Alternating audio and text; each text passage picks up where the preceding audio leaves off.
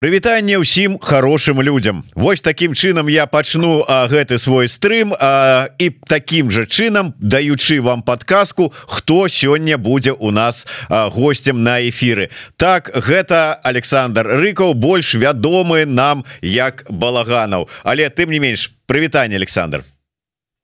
Добрый день Дмитрий. Привет всем хорошим людям и спасибо что вы так начали эфир. Я считаю что надо к этому стремиться, надо больше хороших людей узнавать и мир делать вокруг прекрасным, тогда будет все хорошо. Ну, тым не менш, это ўжо фактычна э, ваш Александр Бренд, э, так вот э, с прысловах прывітання ўсім хорошим людям, хороших людзей больш, ўжо связваюць гэта хоць фраза і не новая, але адразу Александр перад вачыма ўстае. Так что гэта гэта добра, гэта правильно. Дарэчы, як здароўе?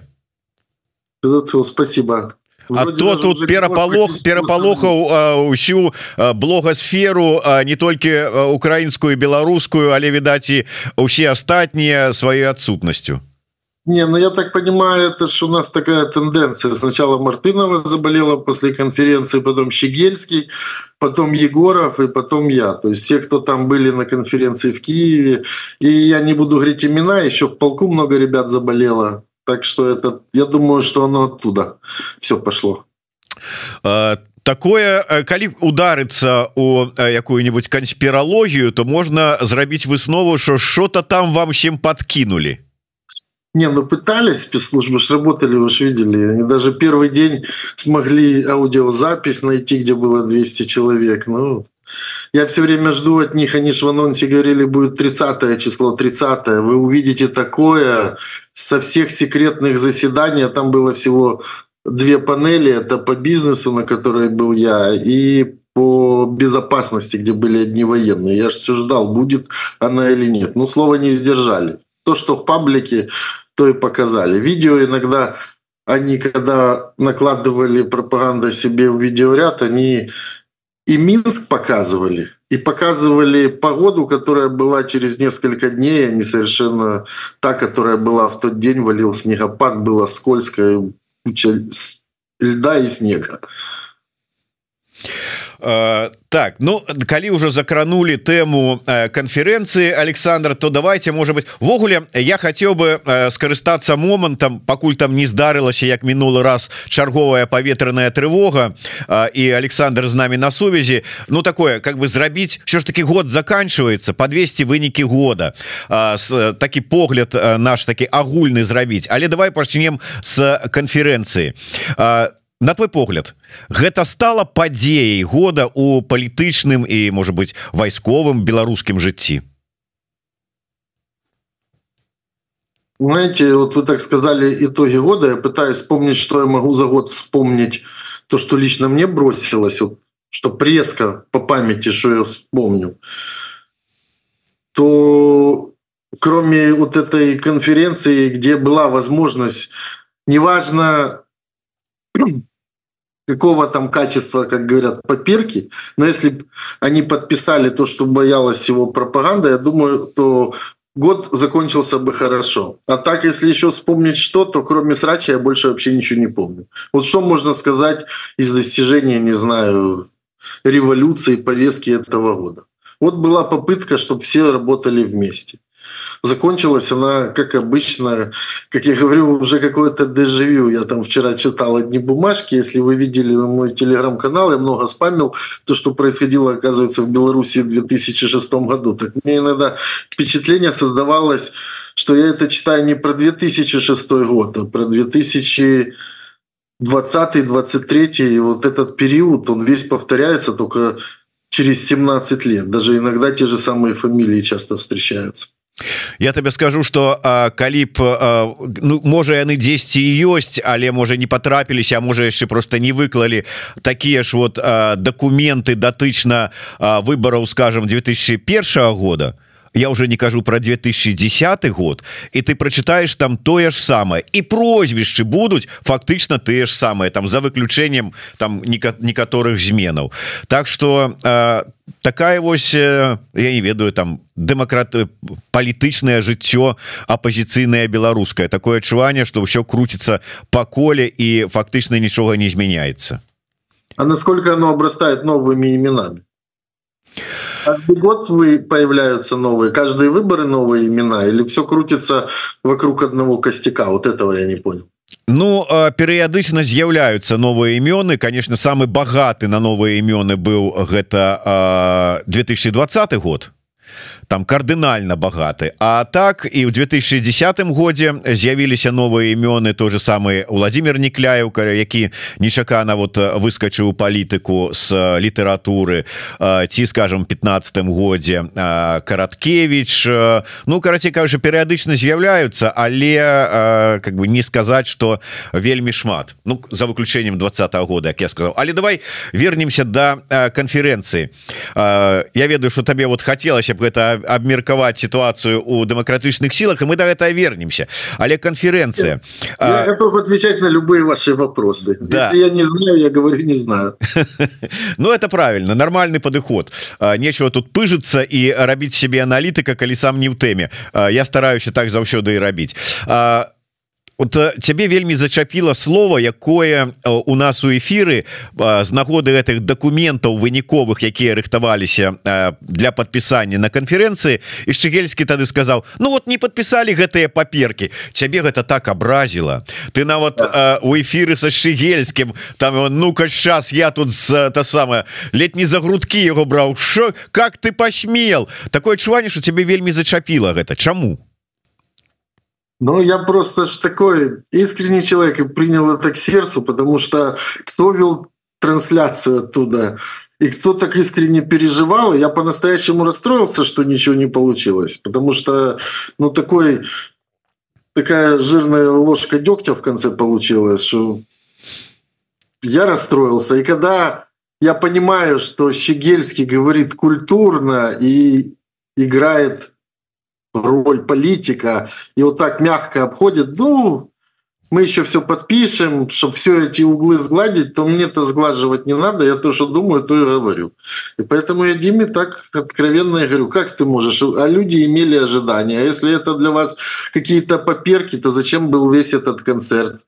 Что могут пять серьезных коллективов, организаций два месяца пытаться изобрести, прийти к какому-то одному консенсусу, вас же в эфире рассказывали, что протоколы каждого заседания были, все подписывали, что все ознакомлены, и потом так вот в конце сказать, что это поперки, ну, мы так ко всему теперь вашему будем относиться. Чтобы вы нам не хотели презентовать, мы будем говорить, да что вы, очередные поперки.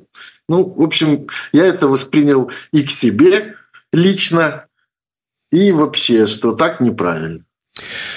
А, так давайте нешта я загаварыўся і забыл я хочу адразу зрабіць такую невялікую параду ці аб'яву па-першае хто чамусьці з нейкай нагоды гэта до этого часу не зрабіў таму калі ласка заходзьте на YouTube канал балаганов.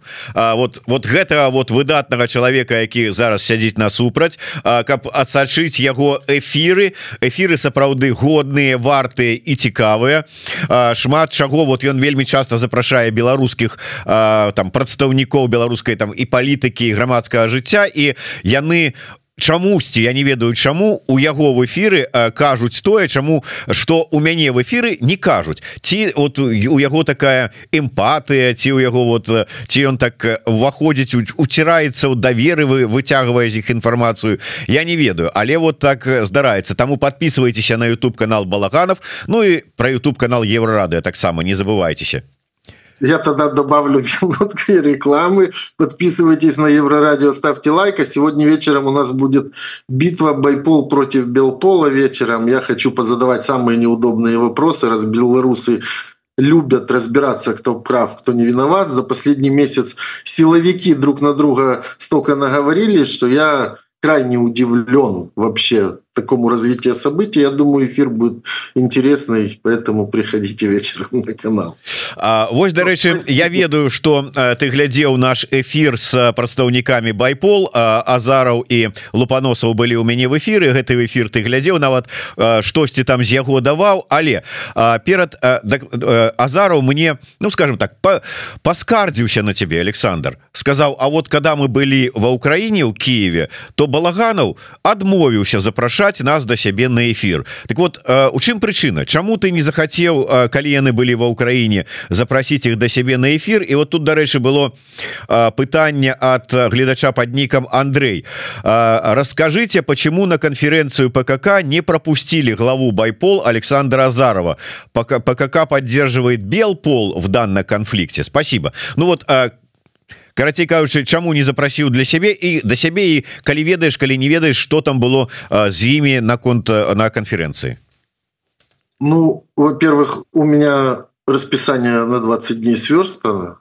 во-вторых никто ко мне на эфир не просился а сами не звал это факт мы с александром мазаровым общались последний раз когда я делал интервью наверное в двадцатом году или в 21 после этого у нас не было ни разу ни одного общения ну, приехал он в Киев, написал мне сообщение «Привет, как дела?». Я удивился, кто это может быть. Читаю Александр Азаров, а последнее сообщение у нас ссылка на Zoom два года назад. Я написал «Все хорошо, я просто был в другом городе, не в Киеве». Сказал «Вернусь через 4 дня». Но он через 4 дня уехал. Он мне написал «Мы прошли аудит, у нас все хорошо». Я говорю «Я вас поздравляю». Вот у нас было такое общение в четыре строчки – мы прошли аудит. Я говорю, поздравляю. Ну и все. Он не просился на эфир. Я и не настаивал, потому что у меня уже было 20 гостей наперед расписано. Он уехал, а я в этот момент как раз под конференцию приехал в Киев.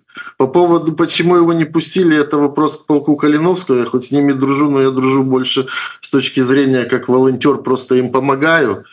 Вот. Ну, там же был у них второй представитель, вот с кем они у вас были на эфире, Лупоносов, не хочу ошибиться в фамилии, вот, он же вышел, даже подписал бумагу, то есть там были представители и Байпол, и Белпол, просто скажем, в физическом соотношении количество мужчин, представляющих ту и другую организацию, было немножко другое.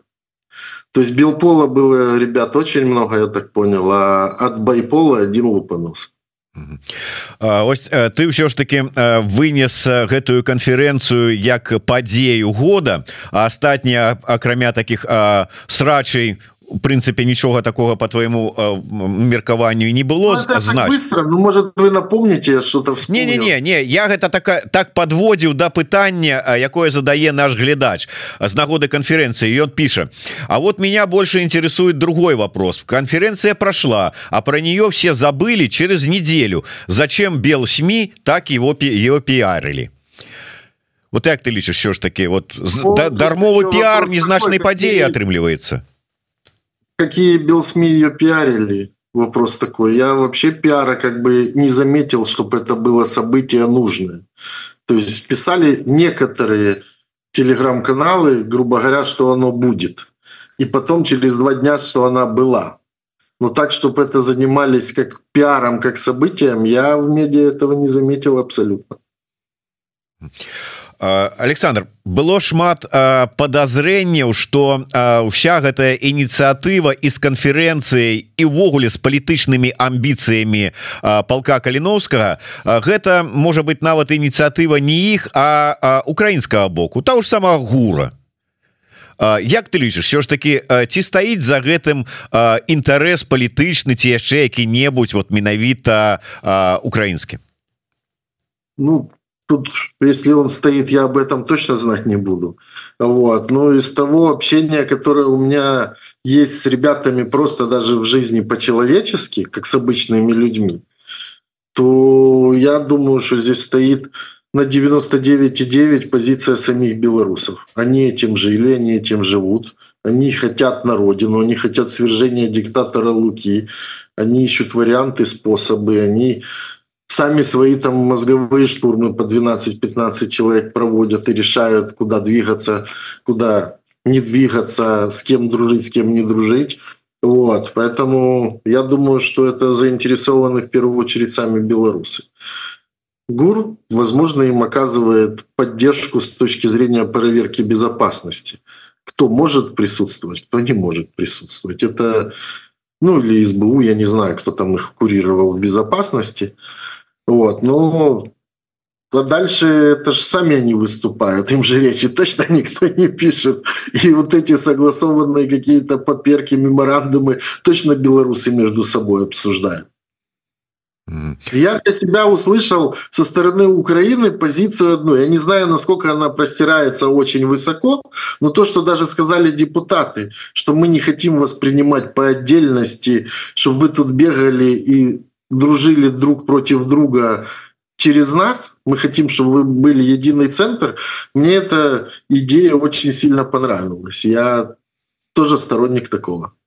Э, Александр я зараз э, побуду таким адвокатам дьявола як кажуць э, вот глядзі Ну калі браць э, Ну я разумею да тут мы говорим с аднаго боку про дзяржаву у дзяржаўныя інстытуты у дадзеным выпадку Украіну з другого боку Ну просто как бы апозіцыя там ці дэмакратычныя сілы але Ну вот же ж і Верховная Рада Ну умоўно кажучы парламент ёсць кабмін там міністэрства ёсць там генштаб ёсць адміністрацыя прэзідэнта розныя структуры Ну і на, на чале стаіць на версе прэзідэнт. Ну у на дадзены момант гэта зеленскі. Ну а так ввогуле прэзідэнт. Калі браць беларускі бок Ну вот ёсць умоўна кажуч прэзідэнт элект тихохановская вот ёсць адміністрацыя прэзідэнта умоўна кажучы офіс тихохановскай ёсць аб'яднаны пераходны кабінет кабмін умоўна кажучы Ну тае ж самае падзяленне Чаму у дадзеным выпадку а, размова ідзе про нейкае аб'яднанне? Ну не аб'ядналіся ж в одну структуру ва ўкраіне і Верховна Рада і кабмін і адміністрацыя прэзідэнта. Так і тут. Вот Не, ну тут же надо разделять. Тут хотят белорусы сами внутри себя объединиться. Или тут мы говорим о том, чтобы структуры какие-то встретились с публичными официальными структурами. Но это разные уровни. Я считаю, что конференция, в ней заинтересована, я могу ошибаться, заинтересована сама Беларусь, чтобы все были единым кулаком и у всех единый маршрут какой-то был, пусть они его там согласовывают, каждый по своему щебенку засыпает, асфальт ложит,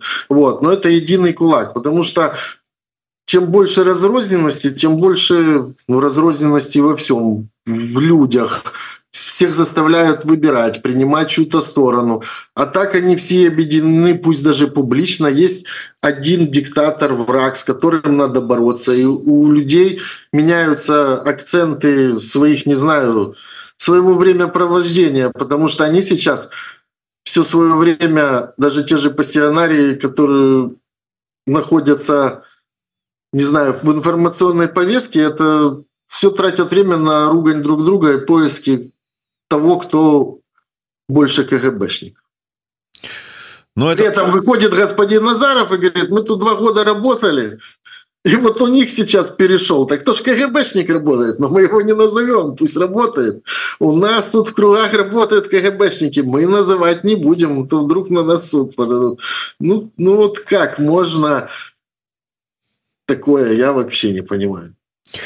Ну бач сітуацыя ж такая КДБшнікі агенты і ўсё астатніе і маргінес яны паўсюль нават жа ж вы от і цябе вылечылі ты ж агенты чы оказывается меня вообще новую версию жире был КГБ агент ФСБ Лукашенко был и сегодня новая версия вышла что я агент короче, чей-то агент, и моя задача разрушить белорусскую оппозицию. Поэтому если вдруг где-то я когда-то говорю плохо, неважно, в сторону Щегельского или в сторону офиса Тихановская, это значит все, я на работе, моя задача разрушить, чтобы побыстрее Зеленский мог поехать к Лукашенко, и моя функция разрушать белорусскую оппозицию. Ну, Во, я, я только хотел испытаться у тебя... Видел я еще таких версий не читал. Притом эта версия написана из Америки подписчикам белорусам-американцам. Я вот хотел аккурат таки испытаться у тебе навошта ты гэта робишь навошта ты разбураешь беларускую оппозицию як ты уже и отказал ну ці докладней вот этот вот э, на самое агент с ЗША беларускі патлумачыўся чтоб зеленскі хутчэй мог сустрэцца с лукашенко. Дарэчы ты ж я думаю чу гэтыя словы Артёма шраймана про тое что ёсць нейкая там що ж таки там дамоўленасць пагадненне паміж банкавай і лукашенком ты верыш у это сам? Знаешь, я много на эту тему тоже думаю, потому что мне часто пишут, Вот. Верю ли я в какие-то договорники, договорники сейчас чего они могут касаться, я не понимаю. То, что в начале войны были контакты, да, это было естественно, потому что в Минске были первые переговоры, грубо говоря. Как тут без Лукашенко? Он опять хотел быть на коне миротворца. Вот в дальнейшем я не понимаю. Все, все руководство, весь мир знает, что Лукашенко загрузил весь свой ВПК на производство оружия, которое едет в Россию, потом едет сюда убивать жителей Украины. Ну о чем с ним можно разговаривать, дружить? Я не знаю. Уголовные дела, которые точно так же, как против Путина в Гаагу поданные на Лукашенко, пропаганда сходит с ума. Ну, по крайней мере, Лука в своей риторике я же заметил? Он сначала от гниды превратился опять в такого папочку, Вова Зеленский, вот видишь, тебя кинули, опять играет ласково, то пропаганда в лице его главных орденоносцев, она не сбавляет обороты. Всех жителей Украины надо убить, они все бандеровцы, все фашисты. Там прямо Озаренок выступает очень, скажем, по-фашистски жестко. Э, ведаеш э, я вот не один раз э, чуў гэта прычым ад людзей якіх якім я ў прынцыпе давяраю. Сам не бачыў тому не буду сцвярджаць але не один раз уже чуў про тое что ну про тое что почти усе контрольно-пропускныя пункты на мяжы Украины і Беларусі закрытыя ты ведаешь один только застаўся нібыта афіцыйна працоўны.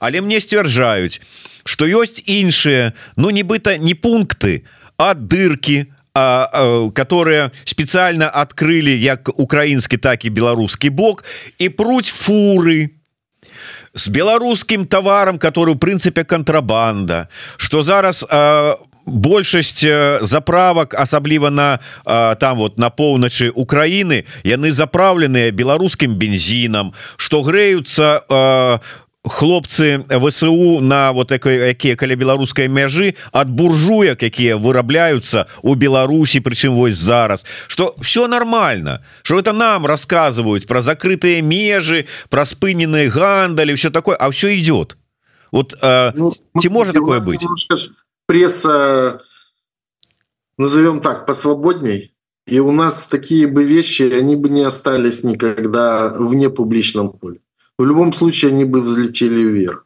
Поэтому то, что Маша сказала, она может сказать все, что угодно, мир всегда слухами полнится. Но я, если бы вот такие глобальные какие-то серьезные вещи, караваны фур, у нас бы это по-любому не прошло бы без опубличивания ну, кум, брат, сват по телефону сказал, оно появляется в интернете, вирусица подхватывается, и все разлетается очень быстро. А потом начинаются журналистские расследования.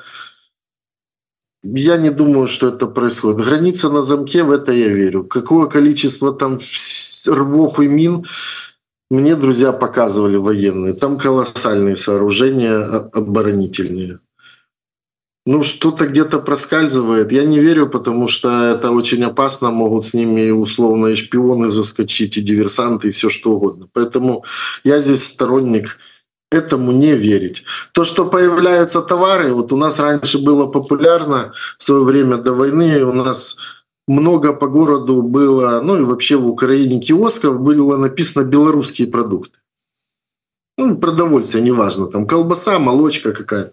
Сейчас этих киосков нет вообще. Но недавно мне сбросили сами белорусы, я увидел на нашем интернет-сайте э, косметику из Беларуси. Я зашел внутрь, да, там реально белорусская косметика я забыл сейчас, как называется завод. Белита. Сайт, он реально действующий, сейчас он работает в Беларуси, вот, но я еще не звонил сам в этот интернет-магазин, не заказывал, откуда там, какие сроки годности у этой косметики, но вот это первый факт, где я увидел, что есть продукция какая-то из Беларуси.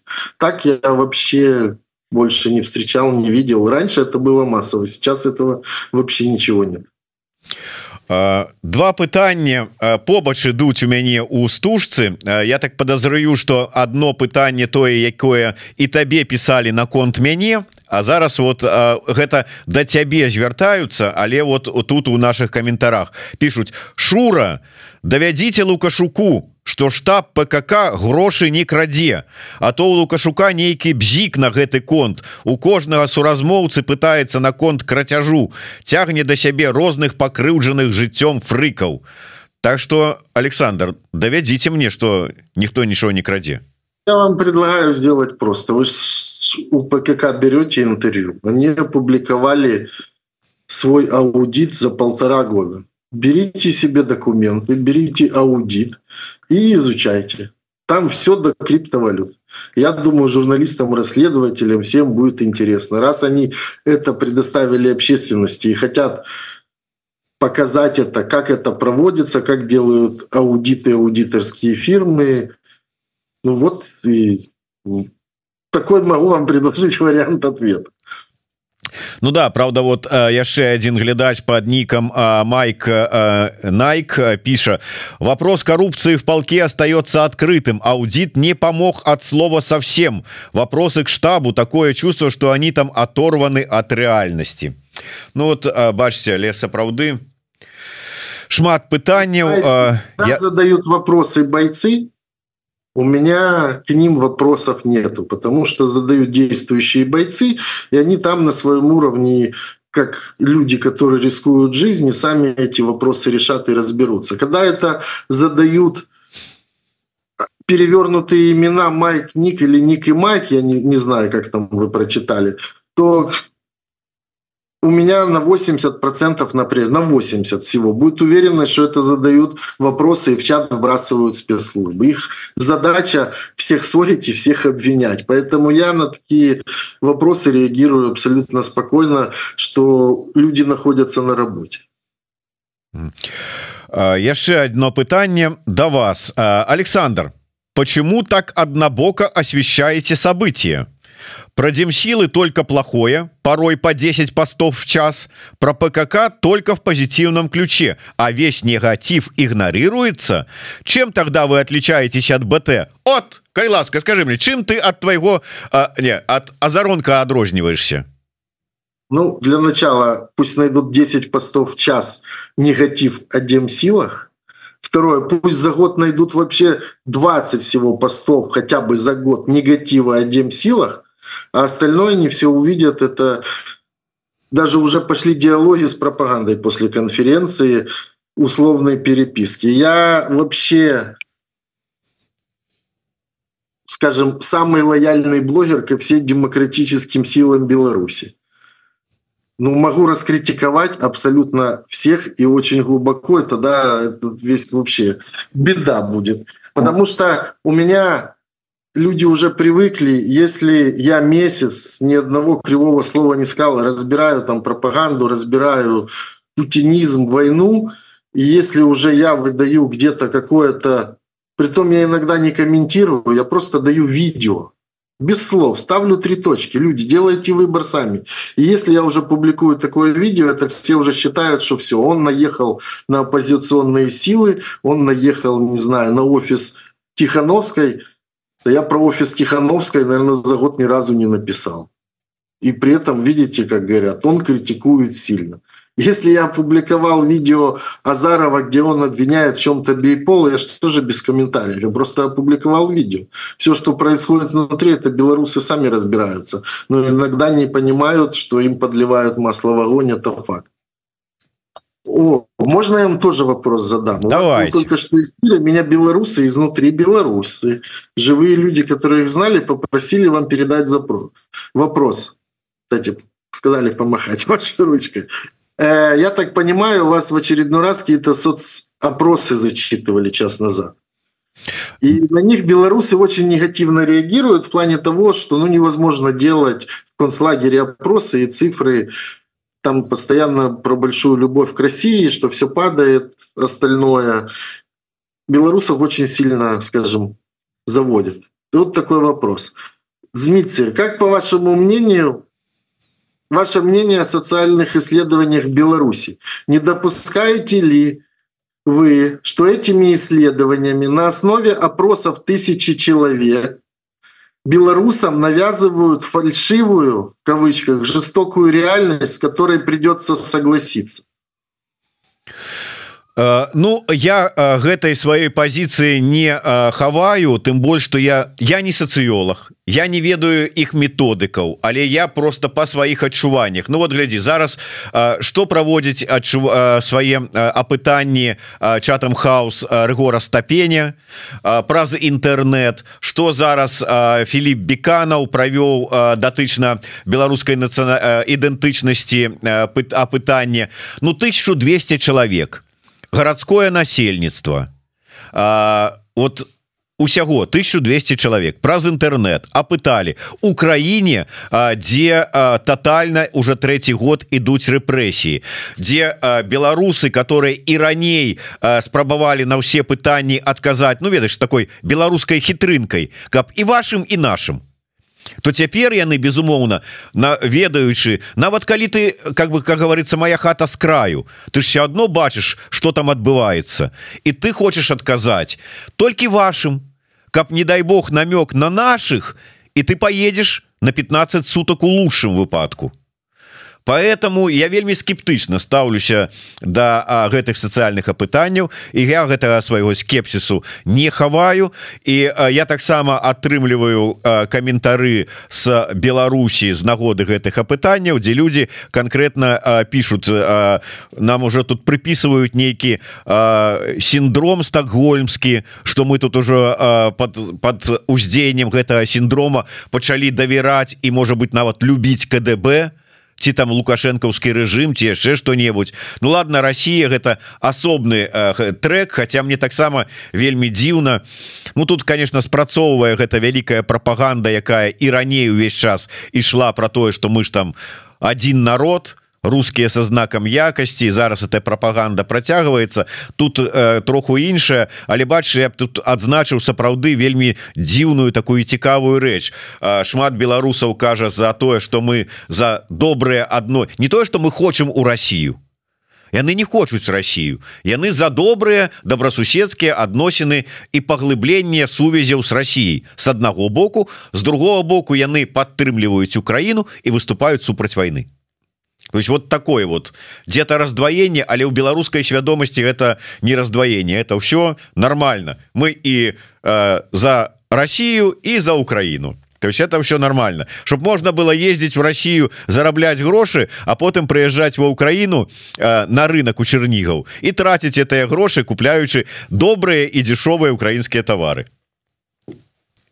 Знаете я сегодня себя поймал на мысли э Лукашенко первый, кто территориально поделил Россию на разные государства. Вот сегодня он принимал губернатора Москвы и рассказывал, что с Москвой у них отдельные планы, отдельные бизнес-процессы, отдельная торговля. Да этого там, условно, губернатор еще какой-то области. Он уже на сектора разбил Россию и работает на будущий развал с каждой областью персонально. Он же не с одной страной мира, он же не работает с Китаем отдельно, там, не знаю, с провинцией Сиопиниас, отдельно с такой. А Россия у него четко поделена регионально, и он с каждой выстраивает свои торговые интересы отдельно, не связанных в целом с Российской Федерацией.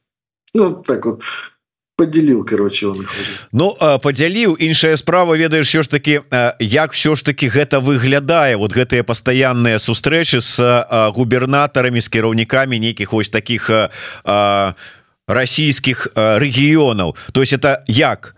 Гэта губернатор рэгіёна северо-западны край принимает губернатора коллегу губернатора Московской области Ну, сегодня он обнимался, там, прям целовался с губернатором Московской области. Все, два коллеги, два друга торгуют.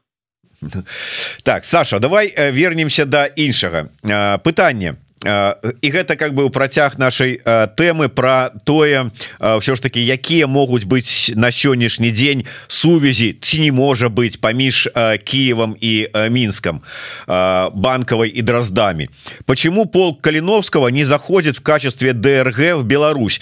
Ну там получается деньги дают в том числе донаты простых белорусов а выхлопа нет. Але тут у дадзеном выпадку про заход калиновского хотя бы не так вот широким фронтом мы идем вызволять Беларусь. А вот як дрг як заходили у белгородскую область российские доброохотники? А смысл этого в чем Ну я не ведаю там скажем так три полицейских и вернуться но ну, вроде как официально с армией Беларуси никто не воюет. Сами белорусы внутри ну зачем я просто не понимаю логики и смысла. Могут погибнуть люди даже полка Калиновского. А зачем? Вот логика им зайти туда, полдня побыть, постреляться, погибнуть и вернуться. Но если уже идти, то идти на Минск. А забежать как ДРГ, убежать, логика в чем, я не могу понять. Ну, это ну, не имеет смысла. Почему дрон до сих пор не прилетел на дворец? Вот это да, это можно их спрашивать. Я бы их за это спросил. А вот это забежать, убежать, ну, логики я в этом не вижу. Ну сапраўды можа быть калі толькі как бы дать зразумець беларусам унутры Беларусі что ну там потому что мне некаторыя пишутць что мы зразумелі что нам на нас усім наплевать як палітыкам беларускім так і палітыкам заходнім так і можа быть Украіне у е свае праблемы і на тое что там у нас ім наплевать А так таким заходам далі бы зразумець что не не наплевать і как бы все рыхтуецца что все размовы про тое что да кто там придет эти 200 каліноўцаў как там карпенко говорил Мы нават собак своих служебных не будзе не не подымали по трывоге когда они там конференцию свою проводили. Нам не страшно. О, то есть ну, вот а так? ночью клеют все улицы плакатами калиновцы мы вас ждем и калиновцы увидят что их ждут. А может их не ждут грубо говоря. Не ну это такие я не знаю это разговоры я считаю совершенно ну, перспективные они ненужные. Но это просто лишь бы сказать что вот они не идут мы не видим они то же самое могут в ответ сказать это будет опять вечное обливание друг друга, кто больше любит родину. Тот, кто уехал и сбежал от репрессий, или тот, кто остался и находится внутри. И я бы здесь делал все только, чтобы эти две силы были вместе. И одни думали, как помогать тем, кто внутри, а другие какие сигналы давать тем, кто снаружи. И вот тогда это будет единая нация. А так они, конечно, все обижаются, те в ответ скажут, а что ты не выйдешь, не приедешь к нам и не зайдешь вместе с нами. И это начнется обвинение друг другу по кругу. Ну, вот, Могут а... они сказать им, тем, кто их ждет, так приедь к нам и вместе пошли. Могут точно так же сказать. Могут, э, зразумела. Добро, не заход э, у якости такого... Э дрг которая дэманстратыўна будзе заходзіць каб а, як тут на Макссім напісаў каб не спалі лукашысты рэакцыю іх паглядзець не спаўне так з такой зразумелай мэтай ты ж сам на пачатку сказаў про тое что беларускія заводы ВПК працуюць на тое что вырабляюць а, там снарады то яшчэ какую-то там э, военную хрень которая ідзе в Россию а потым приезжая в Украину забивать украинцев. Вот пишут А для того чтобы ворше завод по изготовлению снарядов подорвать или другие военные объекты. Ну ось сапраўды тое что працуе фактычна на забеспечение российского войска. заводе работает 500 белорусов которые находятся внутри Они же могут внутри что-то сделать. Они же знают процессы, могут как-то сделать, чтобы линия, там, не знаю, поломалась и потом все бабахнулось. Если они это предлагают ребятам, которые должны перейти границу и рисковать жизнью, то внутри, находясь уже на этом производстве, или там работают иранцы, там нет белорусов. Ну, ну безумовно. все друг другу на кого-то переводят стрелки и всегда говорят, а почему они не делают? Мы сидим здесь на диване, смотрим интернет-телевизор и ждем, пока они придут. А у них то же самое. Они в обратную говорят, что вы сидите на диванах, а мы тут воюем, приходите к нам, помогайте. И то, что надо пропаганде, вот это все стравливание вот такими вопросами, для них это будет счастье. они их будут наливать и наливать наливать и люди заводятся даже я простите а я, я люблю калі ты заводишься ты тады так а, такі вельмі імпульсіўны становішься ну, то под новый год но этого не позволит. Дарэчы сапраўды вот тут правда адны сядзяць і кажуць ну дзе вы каліноўцы мы чакаем калі вы зойдзеце другие кажуць так тихохановская мы тут уже стаміліся чакаць калі ты для нас лукашенко пераможешь там ці там яшчэ что-нибудь то есть вот ну как бы такая позиция пазіцыя сапраўды но а, з іншага боку чаго не хапае? Вот а, для того каб сітуацыю зрушыць. Ці нейкай палітычнай волі у палітыкаў у лідараў ці чаго не хапае? Халера яго ведае. Вот скажи як а, чалавек які належыць да нацыі якая ўжо колькі ўжо рэвалюцыі перажыла? Три як мінімум. А не, ну такая ситуация, она ж несравнимая вообще никогда ни с одной революцией. Ну, это невозможно сравнить. Маленькое государство под боком монстр, который в любой момент придет и тех же белорусов убивать.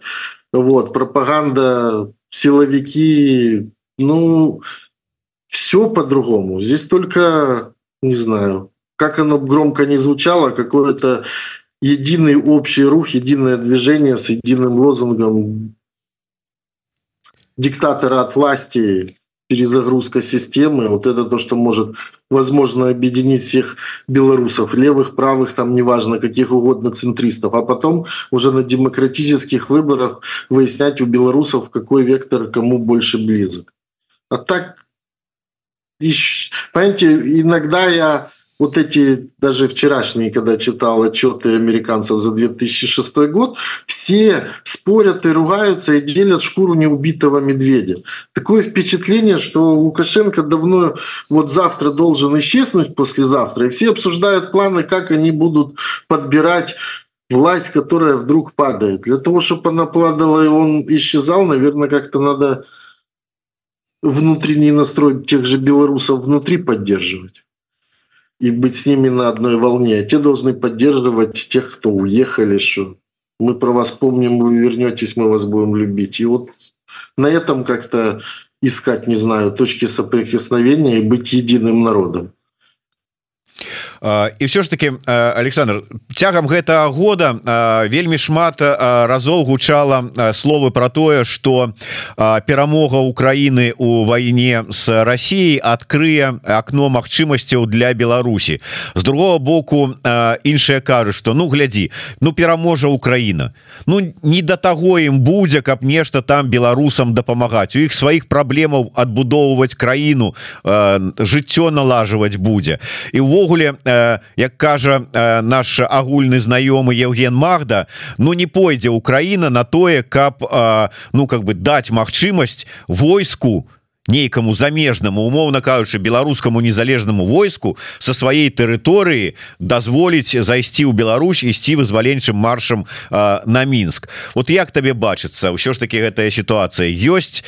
Ну то есть вот магчымасць того что менавіта как бы не перамога с одного боку с другого боку. вопросе можно пойти двумя путями. Один рассказывать то что хотят слышать белорусы. Ого, ура мы будем с вами! Да конечно мы добьем и эту гадину до конца второй вопрос как Магда сказать ничего не будет а я могу сказать что вообще никто на сегодняшний день не знает, как оно будет, и как закончится война, и что будет дальше, и что будет через полгода. Вообще никто не знает. И как там будут дела у Украины, и как будут дела у Белоруссии, никто не знает. И как будут дела в Америке с выборами президента, и какие там могут быть заварушки, никто ничего не знает. Это я тоже не знаю. Я могу хотеть, но я ж не знаю, я ж не политик и не принимаю решения со стороны государства. Я не знаю, как оно будет.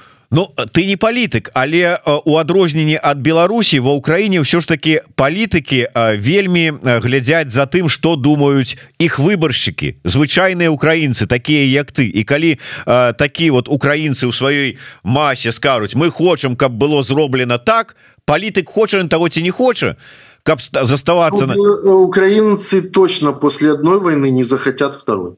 Это я тебе сто процентов говорю. У нас беды горя хватит на 200 лет вперед. Поэтому туда точно никто не пойдет воевать. Ну, может, пойдут условно добровольческие подразделения небольшим количеством каким-то помогать, там, полку Калиновского, если в этом будет потребность Республики Беларусь. Но то, что регулярная армия, я не верю, что пойдет. Я могу ошибаться, может и пойдет, и танки поедут, и самолеты в 16 полетят, но я в это просто не верю.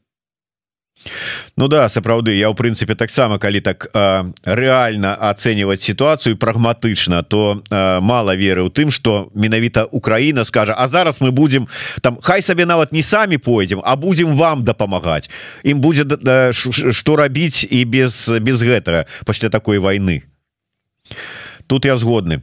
Светлана сороки напіша Дякую вялікі за гостця любім Александра здароўя яму поспехаў у яго працы слава Украіне! Падтрымліваю жыве Беларусь безумоўна я вярнуся да яшчэ раз до канферэнцыі можа быть так на заключны момант Ну просто яна как бы даць магчымасць мне выйти на одно пытанне было сказано калі мы абмяркоўвалі канферэнцыю шмат з якімі спікерамі пачынаючы ад франака вячоркі і заканчиваючы іншымі то мне сказали что абмяркоўвалася першапачатковая сітуацыя что можа быть тихохановская могла б приехать на эту канферэнцыю Ну по выніку там не дамовіліся потым мы выходзілі на тэму того что вот а калі б яна приехала то можа быть яна б могла у Киеве знаходзішся сустрэцца з зеленскім мне ў чарговы раз сказали Ну что вы прыцапілі дачапіліся до этой сустрэчы зеленская стихохановская Ну так яна важна что ли уже эта сустрэча галоўная каб было разуменне там на іншых узроўнях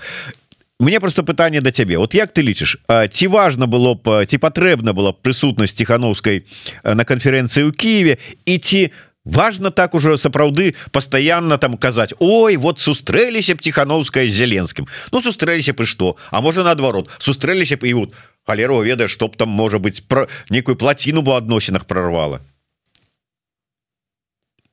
Ну насколько я для себя могу сказать что если бумаги не подписывались то и не надо было чтобы она приезжала еще на нее это будет грубо говоря нехорошие эмоции бы вылились вот если планировали подписать то с точки зрения единения всех белорусов то конечно было бы круто если бы она была ну, приехала с добровольцами, встретилась, это круто. Все оппозиционеры собрались.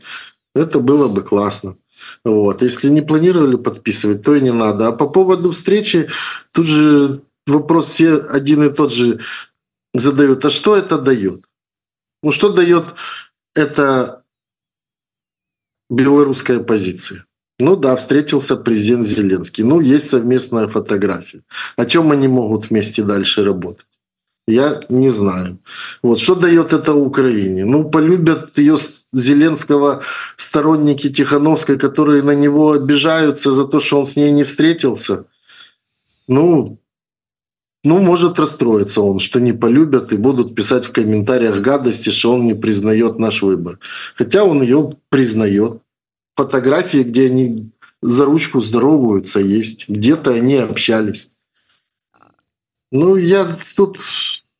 Я понимаю, с точки зрения политиков, возможно, им обидно, это еще одна галочка, но мне вполне устраивают ответы того же офиса, которые говорят совершенно спокойно. Мы все понимаем, сейчас, видать, не то время, чтобы встречаться, но мы держим контакты на уровне министерств, там всех топ уровней чиновников, и у нас есть постоянное общение. Персональной встречи нету. Ну, меня устраивают все варианты ответов и той, и той стороны. Идет время встретиться. Ну, я просто не вижу от этого. Ну, что-то, ну, сенсация. Ну, встретятся они еще когда-то. Тут надо думать, как с одним карликом разобраться и со вторым усатым разобраться. Uh, Лора... Если они говорят, без встречи не могут стратегию совместную развивать. Я думаю, что если она есть, то они ее развивают и без встречи. Чтобы меньше знали спецслужбы диктаторов. И все. Если надо, они работают, поверьте. Не нужна эта публичная встреча, ее только вот так разгоняют по телевизорам. Если есть контакт, он есть контакт, и все сотрудничают, все работают и есть контакты. Но ездят же ваши представители, встречаются на самый верх и с Генпрокуратурой, и со спецслужбами, и с депутатами, и с кабинетом министров, и с какими-то министрами. То есть, ну, остался только самый верх президент Зеленский. Ну, придет время, наверное, встретиться. Ну да, уже Амаль подошли до... не делаю. Если хотят силы страны между собой сотрудничать, они сотрудничают. Им надо коммуницировать, они коммуницируют.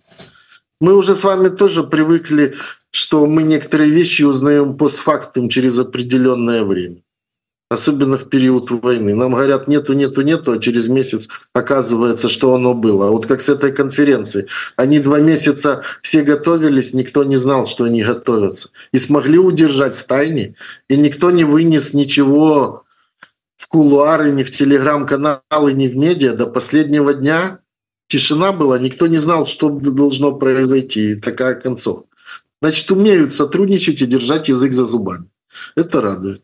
Пусть сотрудничают. Ну да контакты ёсць і в прынцыпе уже амаль падышлі до самого верха. Он уже с самим э, падаляком сустракаются постоянно вообще. Ну, целый падаляк вот все уже наступны зеленский. Беларусь я так понимаю был когда-то или он не ён украінец просто у Беларусі э, ён там потым вучыўся працаваў потым вярнуўся его украінскае грамадзянство от пачатку Вось вот ты узгадываў просто 2006 год і у той час падаляк працаваў у Беларусі працаваў журналістам працаваў у розных цікавых сем'і і дарэчы вот адбеліватель М про меленкевича гэта яго і прыдумка і артыкул і потым про ўсіх фактычна лідараў тагачасных дэм сілаў з якімі ён зараз сустракаецца як там слебедькам тым же самым. І он про ўсіх вот такое такое пісаў рассказываючы якія яны все нехорошие рэдзіскі скажем так. Ну при этом встречаются и общаются. Ну политики что из них возьмешь Але вот это печально я говорю чем я вот я же до этого никогда в жизни в политику не был погружен. С Беларусью за три года я так погрузился в политику правда белорусскую что даже от вашей политики я понял война заканчивается я бросаю все политические youtube каналы больше к политике не подхожу ни ногой. Это вообще Я думал ты скажешь что бросаю и иду я кандидатом на президентских выборах я ж не говорю то что иногда хотелось бы сказать но это уже у вас срача без моих слов достаточно. Мне просто видео достаточно выложить чтобы уже чаты бурлили. Вот ну.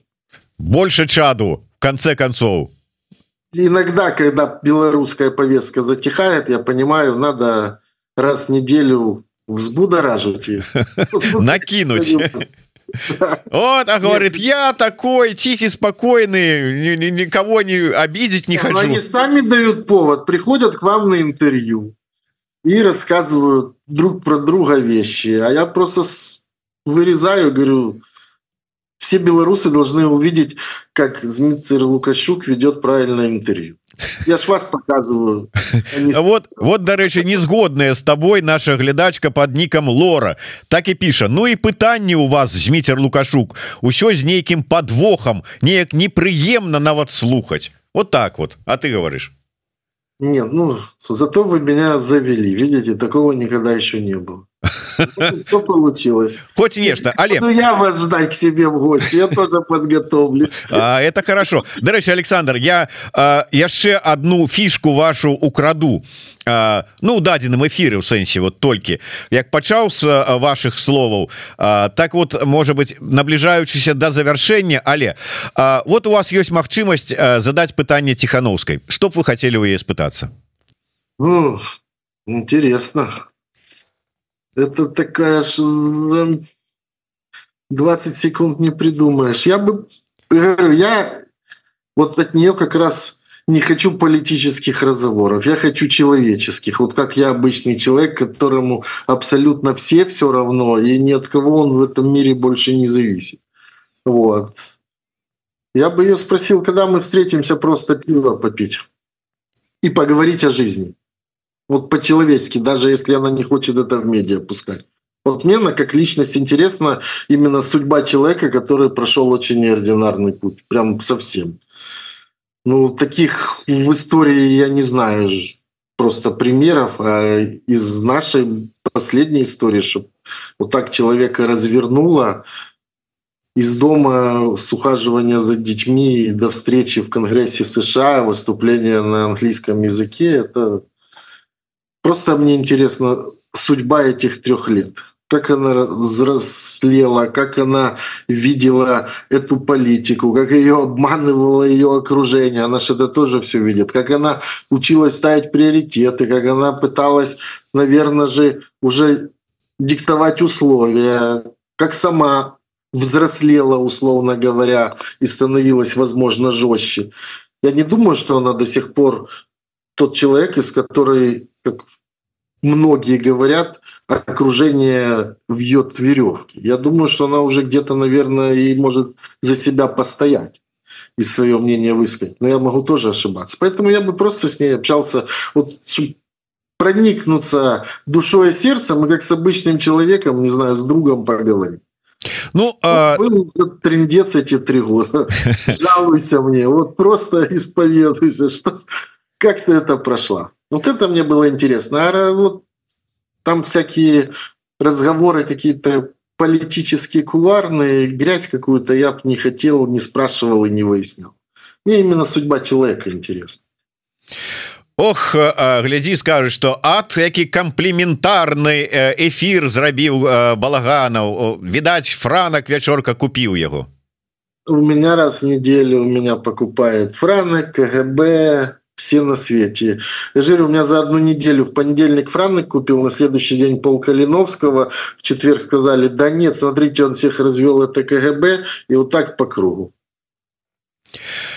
Так ну что ж больш за ты 1300 гледачоў у нас зараз на стрыме Так что яшчэ раз звяртаюся да ўсіх каб подписываліся на YouTube канал балаганов Александра рыкова. Ну и безумоўно на YouTube канал еврорады шарте подписывайтесь натискайте на звоночек пишите свои пытанні комментары но вы ж разумеете что тую позицию ты думки ты ідэі якія гучаць у наших эфирах и еврорады балаганова трэба каб поглядзелі пачулі як мага больш людзей. Тому калі ласка расшервайте и пишите свои комментары для прасоўвання Александр мы ну мы ж ведаем что наш наши з вами эфиры як мае так і ваши глядзяць э, э, ну дакладна.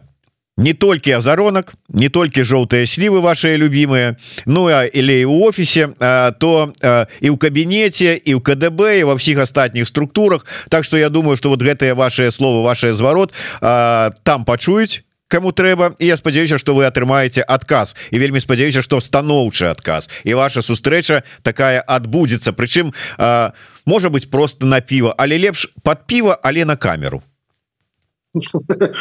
Спасибо большое. Друзья ну хороших людей больше. Слава Украине живе Беларусь я это я не закончил я не закончил. Я хотел еще спытаться у тебе як ты лічишь адкуль і чаму такой любовью до тебе проникліся беларускія прапагандысты пропагандисты? Ну, наверное, потому что у нас любовь взаимная. Я их не люблю, они меня. Они меня топят, топят, подливают масло в огонь, насылают толпы комментаторов, которые рассказывают, насколько я плохой, а люди все равно приходят и меня смотрят. А ко мне приходят все, и левые, и правые, и центральные, какие угодно, и мы со всеми. Потому что я могу с человеком быть не согласен, но я к нему буду относиться абсолютно хорошо, я ценю его мнение, ну вот у него такое. Ну и все, я ко всем людям хорошо отношусь.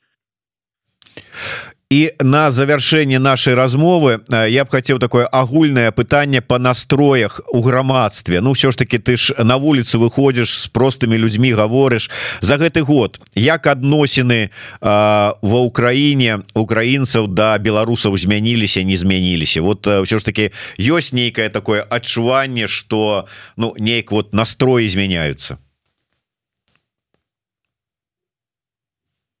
Ну я не хочу врать.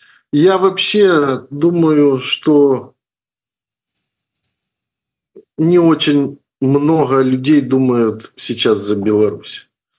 У них в Беларусь в одной повестке. Будет оттуда нападение на нас или нет? Полетят оттуда второй раз ракеты или нет? все занятые все равно войной, фронтом, потому что у всех уже такое количество друзей, близких и погибло, и находится сейчас в очень сложной ситуации. Сейчас прям очень сложная ситуация. Что все думают только о войне и о фронте. Только вот такие избранные городские сумасшедшие, как я, живут повесткой Беларуси. А так я думаю, ну, потому что всех друзей, все свое окружение, я уже со всеми переобщался. У них все адекватно, они все все понимают. А на улице я же интервью не беру у людей, что вы думаете. Так я понимаю, я уверен, что большая часть населения понимает, что происходит в Беларуси. Потому что Озаренок делает свое дело очень хорошо с точки зрения контрпропаганды, его надо распространять максимально чаще. Поэтому спасибо ему. Я всегда говорю, что он раз в неделю выходит в эфир с такими грозными наездами на Украину, обвинениями, с теми диалогами, что он использует, вернее, монологами. Вот. Поэтому все понимают, что белорусам очень тяжело, очень сложно. Александр... Есть, конечно, такие, кто не понимает. Тут я не буду говорить всегда, что везде мягко и подстелено перина. Александр яшчэ тут про войну хотелось б удакладніцца але вот такой я ведаю что вы вельмі шмат збіраеце такой дабрачыннай дапамогі на тое каб купіць штосьці там с неабходнага ваярам як і каліноўцам так і не толькі беларускім добраахвотнікам. За апошні час вот это ахвяраванні это данаты зменшыліся ці не? Стаміліся людзі дапамагаць арміі ці гэта не сціхае я последний раз же просто собирал с полком на помогал им на Мавик 3Т с тепловизионной, то, по-моему, очень быстро собрали за три дня. Вот. А последние две недели, что я все делал покупки, я ж ничего не собирал. Вот сегодня только... Вернее, вчера вечером я написал полку Калиновского, вам маскировочные сети надо белые? Они написали «да», мы согласовали количество. Потому что это я все делаю для ВСУ. Вот мы сейчас буквально утром оплатили большую партию материала. Волонтеры нам будут шить. Мы это распределяем сейчас, ну, зимние маскировочные сетки по бригадам. Ну и так как мои белорусы, друзья и братья, им то же самое, все, что у нас есть, я всегда стараюсь максимально с ними делиться.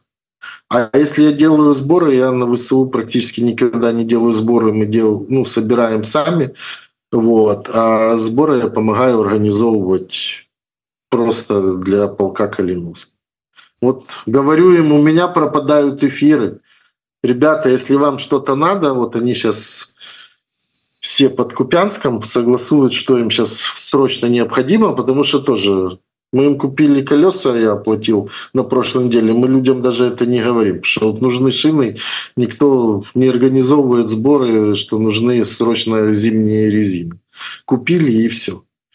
Вот такие мелочи не происходят постоянно, мы о них не говорим. А вот какие-то грандиозные вещи, вот сказали, дадут они анонс какой-то скоро, я им сказал, помогу. Ну я тут у дадзеным выпадку падтрымаю і звяртаюся і да Александра і да хлопцаў з палка і да іншых наших беларускіх добраахвотнікаў калі будет сапраўды вот патрэба у падтрымцы інфармацыйных і нейкіх збораў то мы заўсёды готовы подключиться і падтрымаць вот як у нас звярнуліся до мяне хлопцы з другога замежнага легіёна і мы таксама давалі паўсюль спасыл ссылку на сбор якія не ладзілі на ремонт і набыццё новых аўтамабіляў.